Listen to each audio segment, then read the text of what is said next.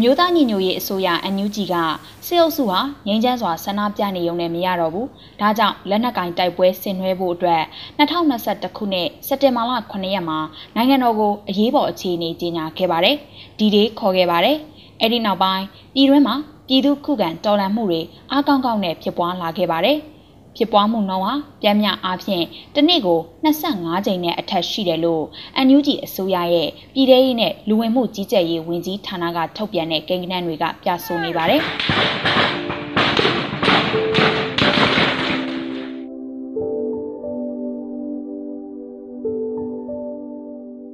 NUG ပြည်ထရေးနဲ့လူဝင်မှုဝင်ကြီးဌာနကပြည်သူခုခံတော်လှန်မှုကိုဘုံပေါက်ကွဲမှုတိုက်ပွဲမှုဖြစ်ပွားမှုဆိုပြီးခေါင်းစဉ်နှစ်ခုနဲ့ခွဲခြားထုတ်ပြန်ထားပါတယ်။အဲ့ဒီထုတ်ပြန်ချက်အရမြန်မာနိုင်ငံမှာပြည်သူခုခံတော်လှန်မှုလုံးလုံးမရှိခဲ့တဲ့ဒေသကတော့ရခိုင်ပြည်နယ်ပဲဖြစ်ပါတယ်။ဘုံပေါက်ကွဲမှုနဲ့ပတ်သက်လို့ရန်ကုန်မြို့မှာအများဆုံးဖြစ်ခဲ့ပြီးတလအတွင်း188ကြိမ်အထိရှိခဲ့ပြီးစကိုင်းမှာ109ကြိမ်အထိရှိခဲ့တာပါ။ မန္တလေးမှာ82ကြိမ်အထိရှိပြီးမကွေးတိုင်းမှာ52ကြိမ်အထိရှိခဲ့ပါတယ်။ဒီအချက်လက်တွေအရစီးပွားရေးမြို့တော်နဲ့မြမပြည်အလဲပိုင်းဟာဘုံပေါက်ကွဲမှုအများဆုံးဒေသတွေလို့ပြောနိုင်ပါတယ်။မွန်ပြည်နယ်မှာတော့22ကြိမ်ရှမ်းပြည်မှာ17ကြိမ်အေရဝတီနဲ့ပဲခူးမှာ10ကြိမ်စီရှိခဲ့ပြီးကြံဒေသတွေမှာတော့10ကြိမ်အောက်ဖြစ်ပွားခဲ့ပါတယ်။ မြန်မာပြည်အလဲပိုင်းစကိုင်းတိုင်းမှာတိုက်ပွဲဖြစ်ပွားမှုပေါင်း82ကြိမ်အထိအများဆုံးရှိခဲ့ပြီးမကွေးမှာ32ကြိမ်နဲ့ကချင်မှာအကြိမ်ရေ30အထိဖြစ်ပွားခဲ့ပါတယ်။ရန်ကုန်မှာ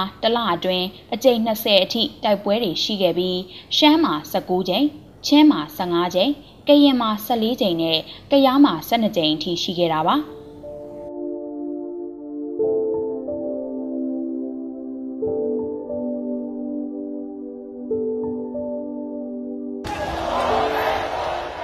ဘုံပေါက်ကွဲမှုတိုက်ပွဲဖြစ်ပွားမှုနှစ်ခုပေါင်းအခြေအနေအရစီးပွားရေးမြို့တော်ရန်ကုန်နဲ့နိုင်ငံအလဲပိုင်းဖြစ်တဲ့စကိုင်းမန္တလေးနဲ့မကွေးတို့ဟာတိုက်ပွဲဆောင်ဖြစ်လာပြီလို့ဆိုနိုင်ပါတယ်။ရန်ကုန်မြို့မှာနှစ်မျိုးပေါင်းလက်နက်ကင်ပဋိပက္ခဖြစ်ပွားမှု198ကြိမ်အထိရှိပြီးစကိုင်းမှာ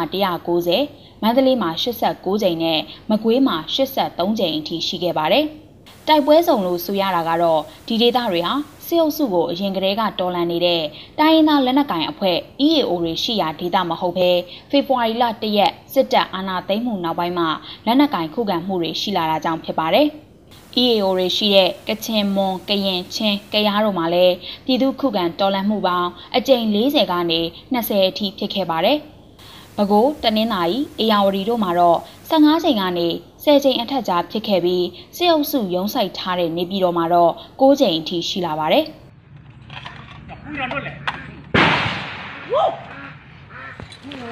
ဝါ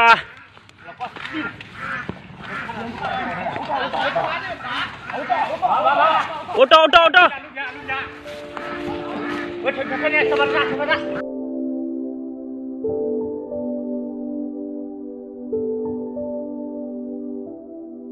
ဒီဒေးခေါ်ပြီးတလတာအတွင်းဖြစ်ခဲ့တဲ့ပြည်သူ့ခုခံတော်လှန်စစ်ဟာစစ်ရေးပြစ်မှတ်နဲ့အုပ်ချုပ်ရေးပြစ်မှတ်တွေကိုအဓိကထားလာတာတွေ့ရပါတယ်။ပြန်မျှတရက်ကို25ကြိမ်ထက်မနည်းဖြစ်ခဲ့တဲ့ပြည်သူ့ခုခံစစ်ဟာတလတာအတွင်း953နေရာအထိရှိခဲ့တာပါ။အဲ့ဒီထဲမှာစစ်ရေးပြစ်မှတ်တိုက်ခိုက်ခံရမှုဟာစုစုပေါင်းတိုက်ခိုက်ခံရမှုစုစုပေါင်းရဲ့43ရာခိုင်နှုန်းကျော်413ကြိမ်ရှိပြီးအုပ်ချုပ်ရေးပြစ်မှတ်တိုက်ခိုက်ခံရမှုဟာ34ရာခိုင်နှုန်းကျော် 328ကြိမ်အထိရှိပါတယ်။စီးပွားရေးပြစ်မှတ်တိုက်ခိုက်ခံရမှုဟာ213ကြိမ်ရှိပြီးစုစုပေါင်းတိုက်ခိုက်ခံရမှုရဲ့22ရာခိုင်နှုန်းကျော်ရှိနေပါတယ်။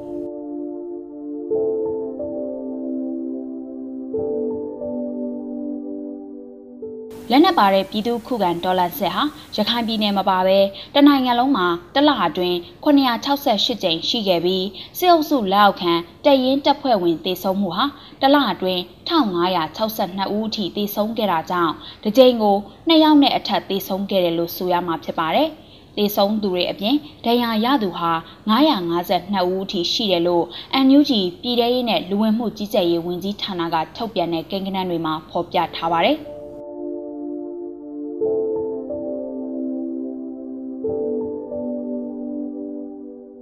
ပြည်သူ့ခုခံတော်လှန်စစ်ဟာဒီဒေးခေါ်ပြီးကလေးကအားကောင်းလာတာဟာတလတာအတွင်းအရှိန်တိုးတစ်ထက်တိုးလာနေပါတယ်။လက်နက်ကိုင်တိုက်ပွဲဖြစ်တဲ့အတွက်ပြည်သူတော်လှန်ရေးသမားတွေဘက်မှထိခိုက်မှုတွေရှိသလိုစစ်အုပ်စုဘက်ကထိခိုက်ဒေဆုံးမှုတွေကလည်းအတော့ကိုများလာပြီးဖြစ်ပါတယ်။စစ်အုပ်စုဟာနိုင်ငံအလဲပိုင်းသခိုင်းမန္တလေးမကွေးတို့မှာအင်အားအလုံးရင်းသုံးပြီးထိုးစစ်ဆင်တိုက်ခိုက်နေတာကြောင့်လဲပြည်သူခုခံတော်လှန်စစ်ကပိုပြီးတော့အားကောင်းလာနေတာပါ။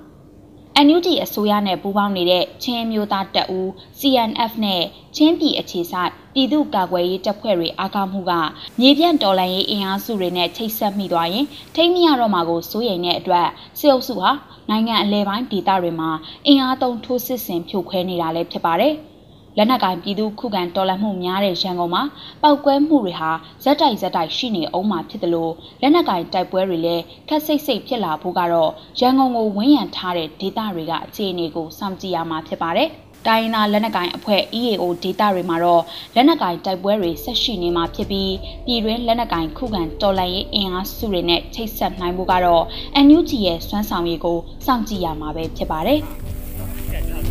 ။